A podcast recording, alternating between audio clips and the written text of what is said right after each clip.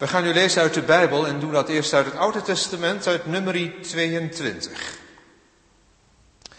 En een paar stukjes uit die geschiedenis van Biliam, dat komt straks wel terug, zullen we merken waar dan de lijn ligt vanuit Nummerie naar de openbaringen, waar we vervolgens uit willen lezen.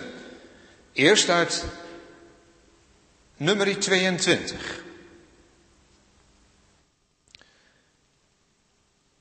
Is een strijd geweest tussen Israël en Sion en Och, ze worden hier genoemd. En daarna braken de Israëlieten op en sloegen hun kamp op in de vlakten van Moab. Aan deze zijde van de Jordaan ter hoogte van Jericho. Balak, de zoon van Seppor, zag alles wat Israël met de Amorieten gedaan had. Daarom was Moab zeer bevreesd voor dit volk want het was talrijk. Moab verkeerde in angst voor de Israëlieten. Toen zei Moab tegen de oudste van Midian, nu zal deze menigte alles wat rondom ons is afgrazen, zoals een rund het groen van het veld afgraast. Balak, de zoon van Zippor, was in die tijd koning van Moab. Hij stuurde boden naar Biliam, de zoon van Beor, in Petor, aan de rivier de Eufraat, in het land van zijn volksgenoten, om hem bij zich te laten roepen. Zie, er is een volk uit Egypte getrokken. Zie, het heeft het oppervlak van het land bedekt. En het blijft recht tegenover mij liggen. Nu dan kom toch, vervloek dit volk voor mij, want het is machtiger dan ik. Misschien kan, het, kan ik het verslaan en kan ik het uit het land verdrijven.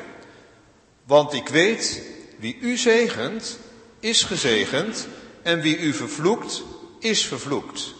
En dan volgt een hele geschiedenis van Biliam, die dan op weg gaat, maar op een gegeven moment vastloopt op die weg. God houdt hem letterlijk tegen. En hij kan niet anders dan het volk zegenen, tot drie keer toe. Maar Biliam houdt het daar niet bij.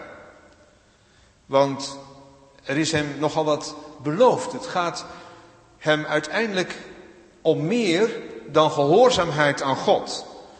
Want het geld longt, het geld van Balak. En dan slaan we even een heel stukje over. Gaan we naar hoofdstuk 31, vers 16. En dat is wat verborgen in deze geschiedenis, deze tekst. Maar dat zegt heel veel over het verloop van deze geschiedenis. In nummer 31, vers 16. Ik kom er in de preek op terug. Zij, zie, zij waren door de raad van Biliam voor de Israëlieten de aanleiding tot trouwbreuk tegen de Here. In het geval van Peor, waardoor de plaag kwam onder de gemeenschap van de Here. Nogmaals, ik hoop dat straks wat nader uit te leggen. Dan gaan we naar het laatste Bijbelboek, de Openbaringen van de Heer Jezus Christus aan Johannes. In deze diensten, deze tweede diensten op de zondagen, is er een afspraak met de collega's ook dat we zoveel mogelijk ook de lijn van de openbaring volgen. En ik zou dan de brieven van de openbaringen lezen met de gemeente. We hebben al eerder gelezen, dominee Vreugdeheel heeft gelezen de brief aan Eversen. En ik heb zelf ook de brief aan Smyrna behandeld, zo gezegd. En gaan we nu naar de derde brief, de brief aan Pergamus. Openbaringen 2, vanaf vers 12. En schrijf aan de engel van de gemeente in Pergamus. Dit zegt hij die het tweesnijdende scherpe zwaard heeft. Ik ken uw werken en weet waar u woont, namelijk waar de troon van de Satan is. U houdt vast aan mijn naam en u hebt het geloof in mij niet verlogend. Zelfs niet in de dagen van Antipas, mijn trouwe getuige, die gedood werd bij u waar de Satan woont.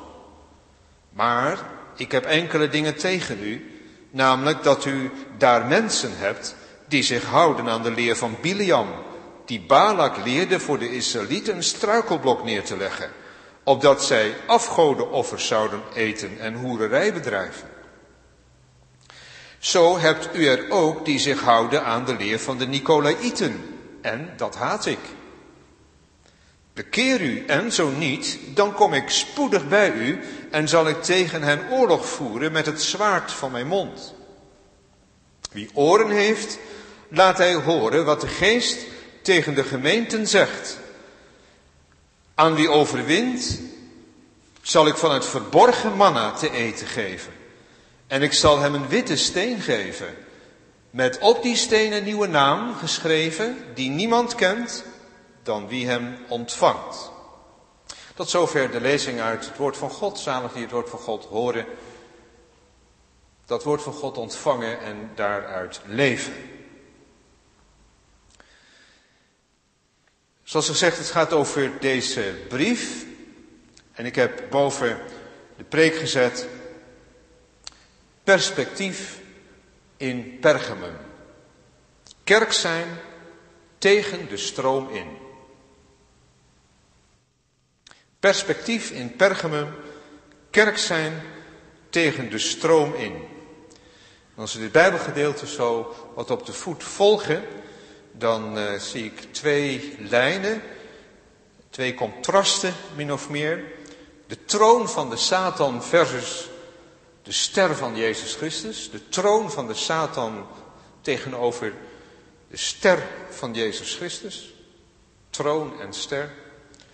En de tweede lijn is dwalende geesten tegenover de Heilige Geest.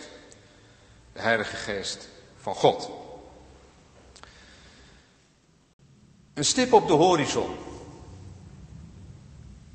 Perspectief. Dat is waar we met z'n allen toch wel een beetje aan toe zijn. Nou, verlangen. In de kerk ook. Hoe lang nog gaan we zo door? Moeten we zo doorgaan? Een stip op de horizon, ja. Maar waar zetten we dan die stip? En waar vinden we dan dat perspectief, die toekomst, dat uitzicht om ergens naartoe te leven? Perspectief in Pergamum, hoezo? Deze titel. Aanvankelijk valt er niet zo heel veel perspectief op te merken als we het over Pergamum hebben. Pergamus, zegt de, staten, zegt de herziene statenvertaling. Pergamum, meer vanuit de Griekse taal, om het zo te zeggen. Pergam. Pergamum ligt in Duitsland. Wat? Duitsland? Dat heb ik nog nooit gehoord. Nee, dat eh, had ik ook eigenlijk nog nooit gehoord. Tot voor kort. Daar kwam ik bij de bestudering van dit Bijbelgedeelte achter. Pergamum in Duitsland, zelfs op twee plekken. In Berlijn en in de deelstaat Beieren, om precies te zijn in Nuremberg. Om nog even zo wat, uh, ja, toch de nieuwsgierigheid misschien wat vast te houden.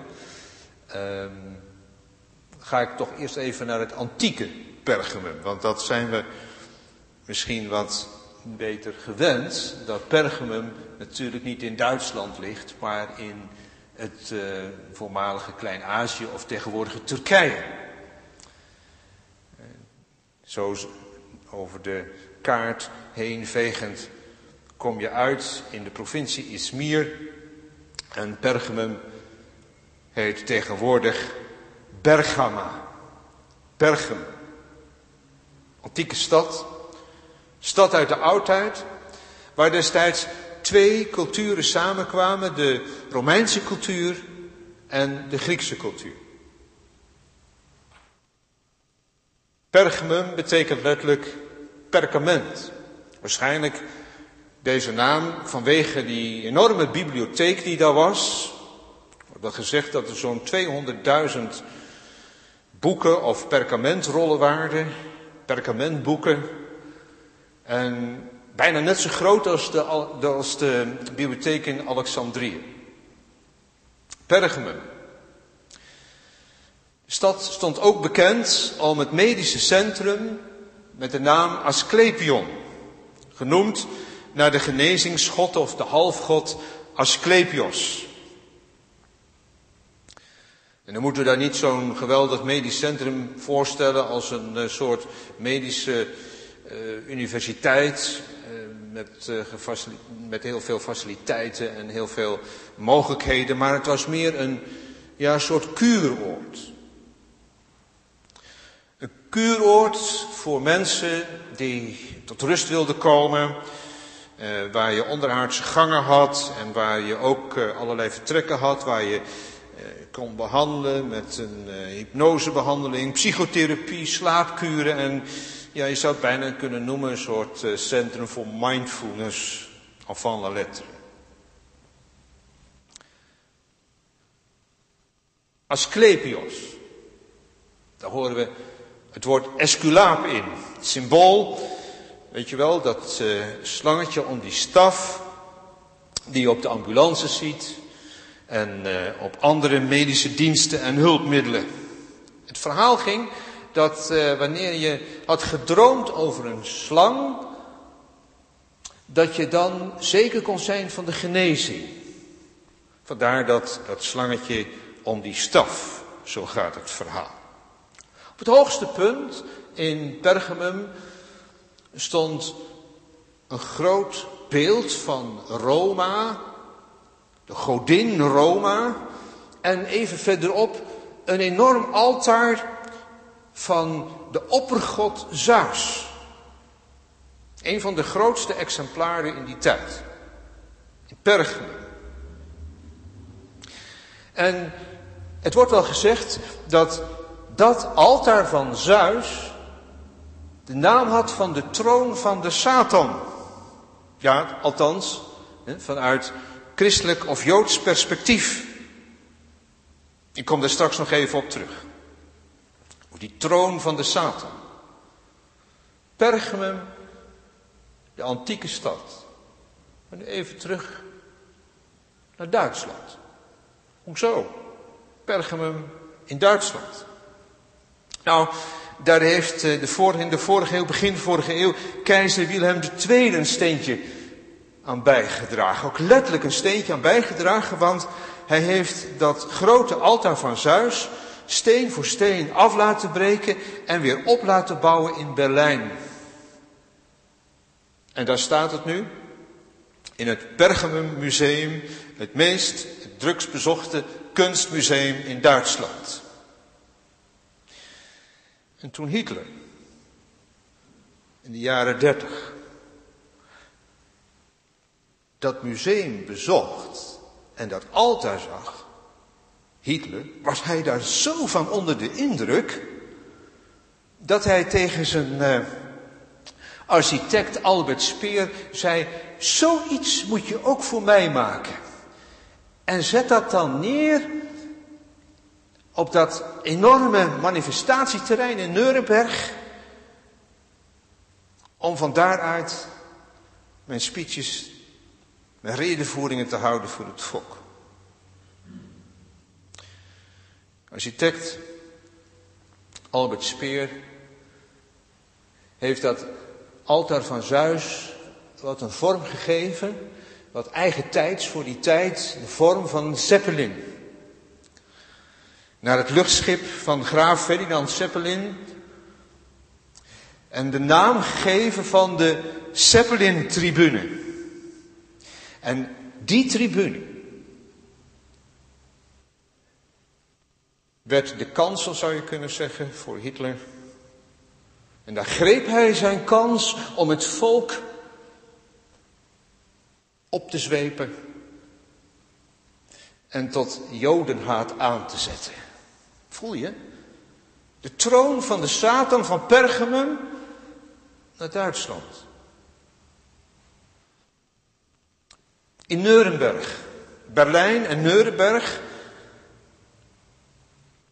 En zo werd Nuremberg de bakermat van de verbrandingsovens, waarin miljoenen de dood hebben gevonden. Herhaling van de geschiedenis, hier uit Openbaringen 2, de geschiedenis van Antipas, die ooit in Pergamum eenzelfde lot onderging. Antipas, hier wordt hij genoemd de getrouwe getuige, mijn getrouwe getuige, die gedood werd bij u waar de Satan woont. En hoe is die Antipas gedood?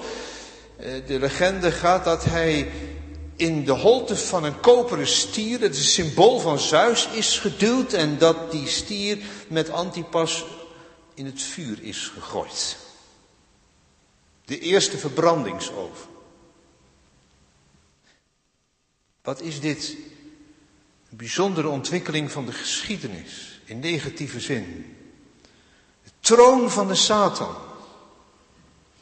Omdat Antipas weigerde voor die troon te knielen en ook weigerde mee te doen met die hele cultuur van Pergamum. Want het was niet alleen dat altaar van Zeus, maar er was ook in dat medisch centrum in Pergamum, in dat Asclepion, een spreuk. En die stond boven de ingang van dat Asclepion. In de naam der goden, de toegang is verboden aan de dood. Om het even naar deze tijd toe te brengen, in Asclepion, in dat medisch centrum, was geen plaats voor doodzieke coronapatiënten. Daar konden alleen mensen komen die nog redelijk gezond waren. En die nog gezonder konden worden. En de priesters, de artsen in de dienst van Asclepios, die gaven geen toegang aan alles wat zwak was en ten dode was opgeschreven. Zo maakten ze in Pergamum onderscheid. Dat medisch centrum met dat altaar van Zeus, met die troon van de Satan. En je zou er accolade om kunnen slaan dat het echt allebei die troon van die Satan was. Ook dat medisch centrum. Dat was in dit geval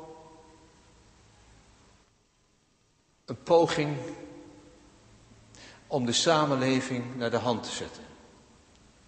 Want dat stond bovenop het hoogste punt van de stad,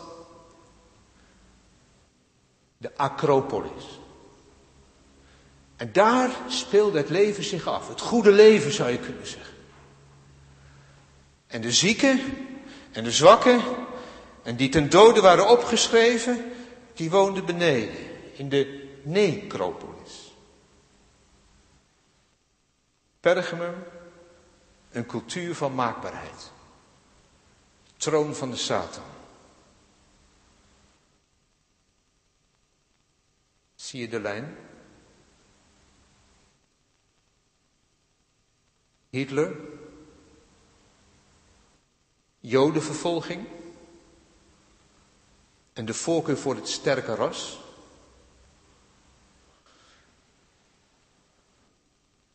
En in die context, in die situatie, leefde de gemeente van Jezus Christus. En schrijf aan de engel van de gemeente in Pergamus, dit zegt hij die het tweesnijdend scherp zwaard heeft.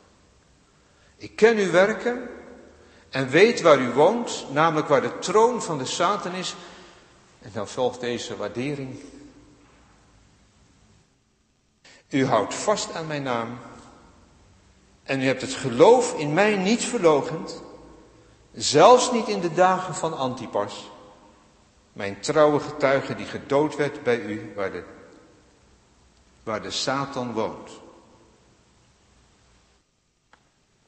De troon van de Satan versus de ster van Jezus. Want was hij niet degene van wie wordt gezegd, en is hij niet degene van wie wordt gezegd dat hij de sterren in zijn rechterhand heeft, de zeven gemeenten. daar, in die cultuur van maakbaarheid, is die kwetsbare gemeente die zich houdt aan het woord van God. Maar diezelfde Jezus, die die waarderende woorden spreekt, is ook die Jezus die het tweesnijdend scherpe zwaard heeft.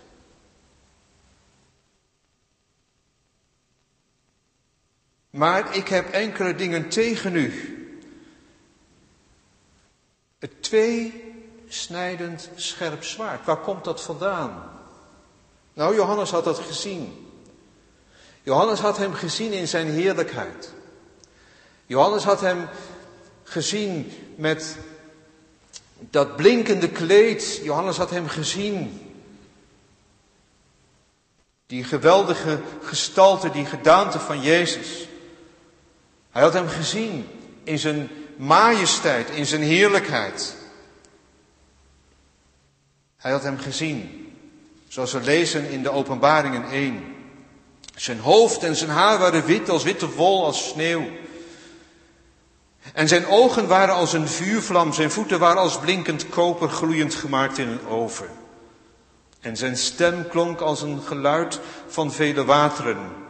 En hij had de zeven sterren in zijn rechterhand. En uit zijn mond kwam een tweesnijdend scherp zwaard. Jezus. Ja, het evangelie is uh, geen zoetig verhaaltje. Het evangelie is niet van, ja, dat is allemaal wel eh, goed met jullie en uh, God is liefde en dat komt ook allemaal wel goed. Dit zegt hij die het tweesnijdende scherp zwaard heeft. Toen Johannes hem zag, staat er, viel hij neer aan zijn voeten als een dode. Je zou dat het tremendum kunnen noemen, dat wil zeggen het, hetgeen wat je doet beven als je de majesteit van God overdenkt, zijn grootheid, zijn heiligheid, van Jezus ook. Welke vriend is onze Jezus? Ja, dat is een mooi lied. Ik zing het graag. En toch, tegelijk. Hij is die groot, hij is die machtige, hij is die heerlijke. Hij is die verhevene aan de rechterhand van God, die zal komen om te oordelen de leven en de doden, toch? De heerser. De Curios. En deze spreekt hier tot die gemeente die hij enerzijds ook waardeert en die hij ook ziet als zijn ster, een ster van de gemeente, juweeltje van de gemeente. Ik heb enkele dingen tegen u. Namelijk dat u daar mensen hebt die zich houden aan de leer van Biliam. Die Balak leerde voor de Israëlieten een struikelblok neer te leggen. Opdat zij afgodenoffers zouden eten en hoererij bedrijven. Biliam. We hebben het gelezen. Hij krijgt de opdracht. Het leest bijna als een, als een roman van, van Balak om dat volk te vloeken. En ja, dan uh, rijdt hij daar op uh, zijn ezelin en dan, dan stopt het letterlijk. En dan verschijnt er een engel op de weg en hij kan niet verder. En gegeven moment dan gebeurt het zelfs dat hij als het ware tegen de, de, de muur wordt gedrukt en zijn voet zit tussen die ezel en die muur. En hij wordt zo kwaad dat hij die ezel begint te slaan. En die ezel, ja, of die ezelin, die, uh,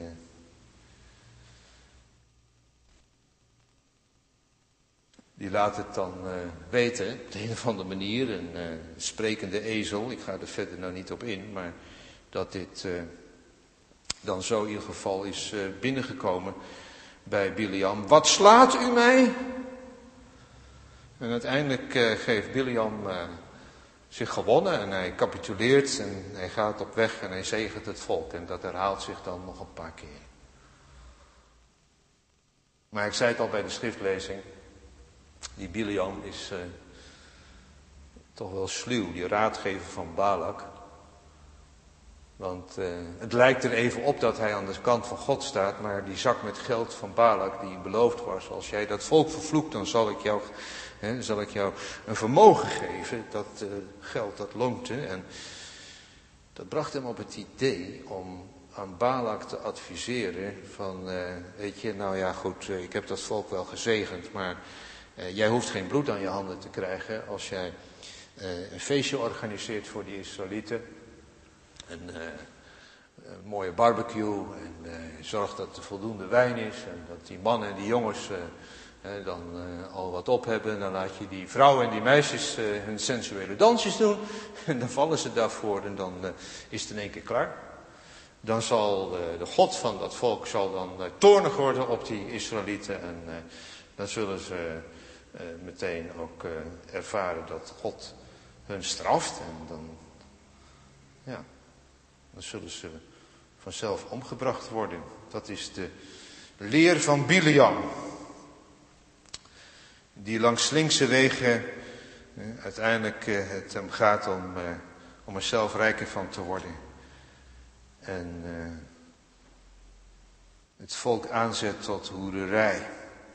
En dan gebeurt het dat op één dag er 24.000 man worden gedood.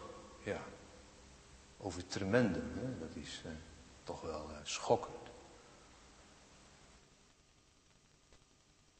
Die het tweesnijdend scherp zwaard heeft. God is een heilig God.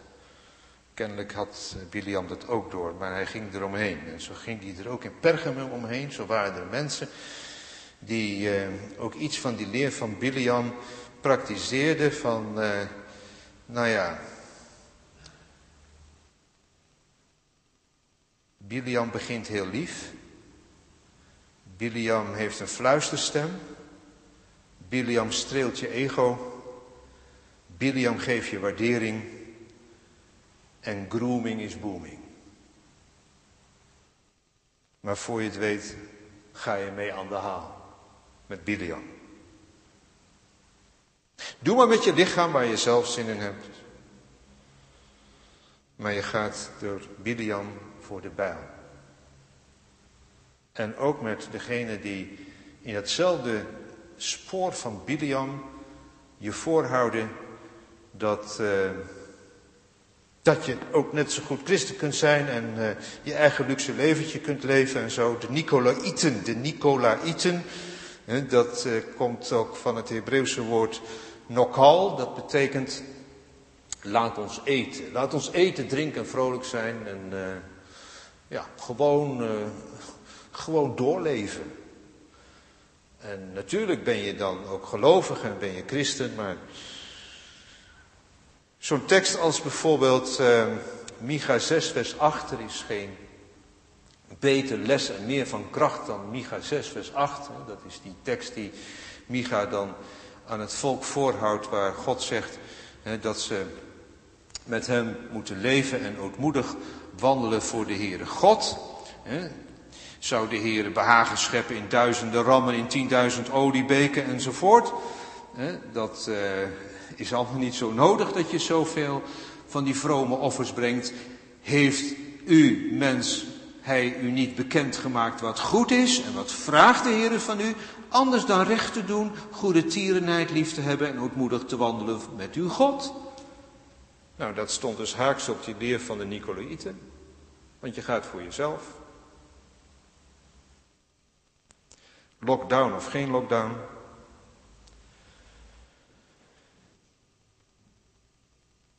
Professor Herman Paul zou dat misschien in zijn boek De Slag om het Hart de secularisatie van het verlangen noemen. Want onze verlangens, zo schrijft hij daar, verwereldlijken als ze in de ban komen van status, van welvaart en geluk. Dat is de leer van de Nicolaïten. Verlangen naar God kan dan zomaar op de tweede plaats komen, verdampen. Zoals het geloof kan verdampen terwijl je in de kerk zit. En je begint een hybride bestaan te, te leven. Hybride, en dat weten we nou tegenwoordig wel, dat is uh, van allebei wat. Dubbel leven. Waar je het zelf goed voor elkaar hebt, maar uh, ik eerst en dan de ander.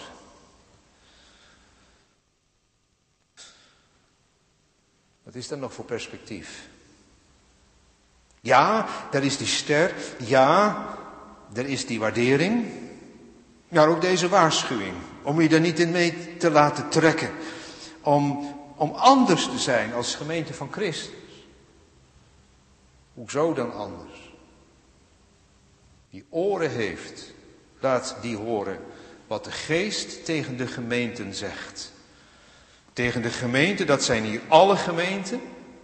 En daar is ook de gemeente van Everse, van Smyrna, van Pergamus en de gemeente van Gouda. Toch? Alle gemeenten. Laat die horen wat de geest tot de gemeenten zegt. Een stip op de horizon. Waar dan? Dat perspectief. Nou dit. Aan wie overwint, die zal ik geven het verborgen manna te eten te geven. En ik zal hem een witte steen geven. Die overwint. Even een streepje daaronder. Volharden, volhouden.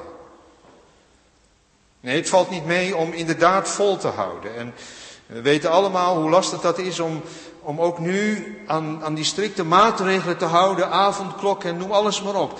Volhouden, volharden. Maar nog sterker wordt het te over, vol te houden tegenover die troon van de Satan, tegenover dat, die cultuur van maakbaarheid en ook tegen die verleiding die daar in datzelfde Pergamum is en ook vandaag.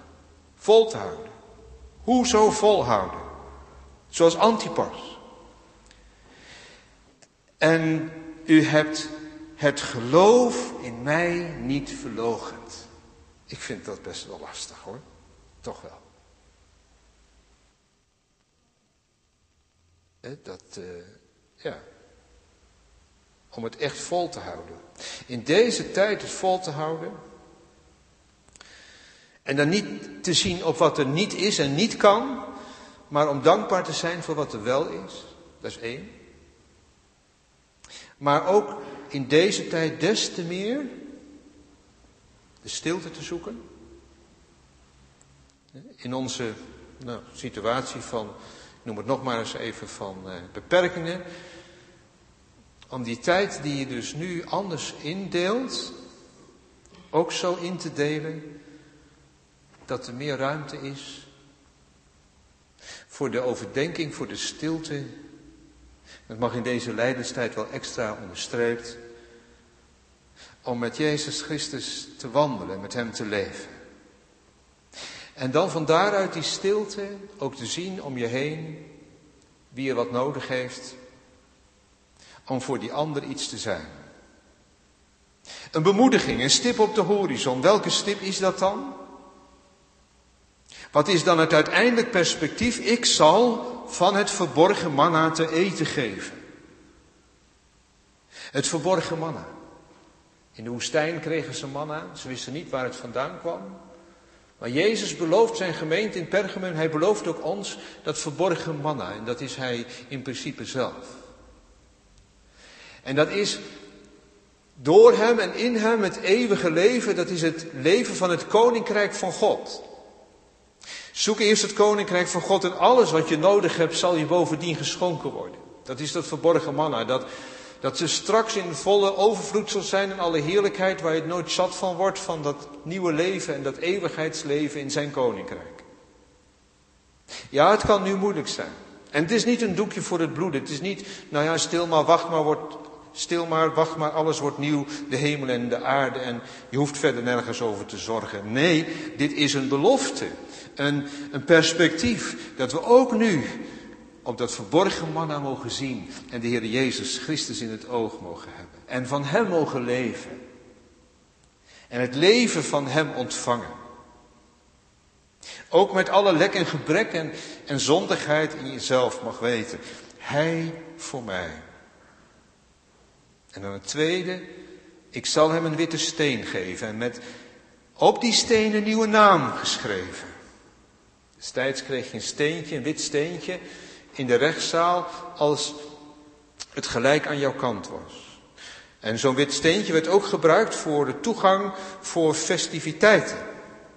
Je zou bijna zeggen een soort paspoort, waarin staat dat je negatief getest bent.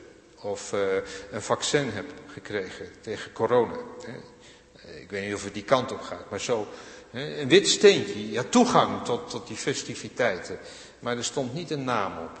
Je kreeg het, maar je kon het ook weer verliezen. Maar dit steentje, wat hij belooft, deze steen met een nieuwe naam, daar staat je naam op. De naam geschreven die niemand kent en wie hem ontvangt, dat is die naam. De Heere kent degene die de zijne zijn. Dat zegt, uh, zegt Paulus in, in een van de brieven. Hij kent degene die de zijne zijn. Dat, dat betekent dat wanneer je van Jezus bent, dat je in Hem je redding, je heil, je heiland hebt gevonden. Dat je mag weten, mijn naam staat op dat steentje en er is toekomst, uitzicht.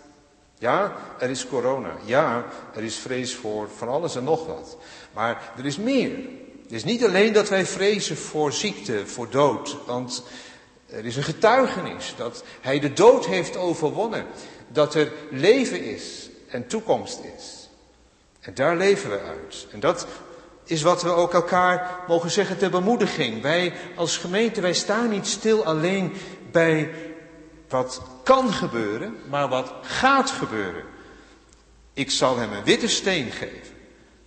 En op die steen een nieuwe naam. Perspectief in Pergamum. Ja, ook vandaag, hier. En waar het woord van God verkondigd wordt en wij vasthouden en volharden in dat geloof. Heb je dat steentje? Ik zeg niet al ontvangen, want er staat ik zal hem geven. Waar ben je van dat steentje verzekerd? Mijn naam staat geschreven in de hemel. Dat ik weet dat Jezus ook voor mij het brood is en het eeuwige leven. Amen.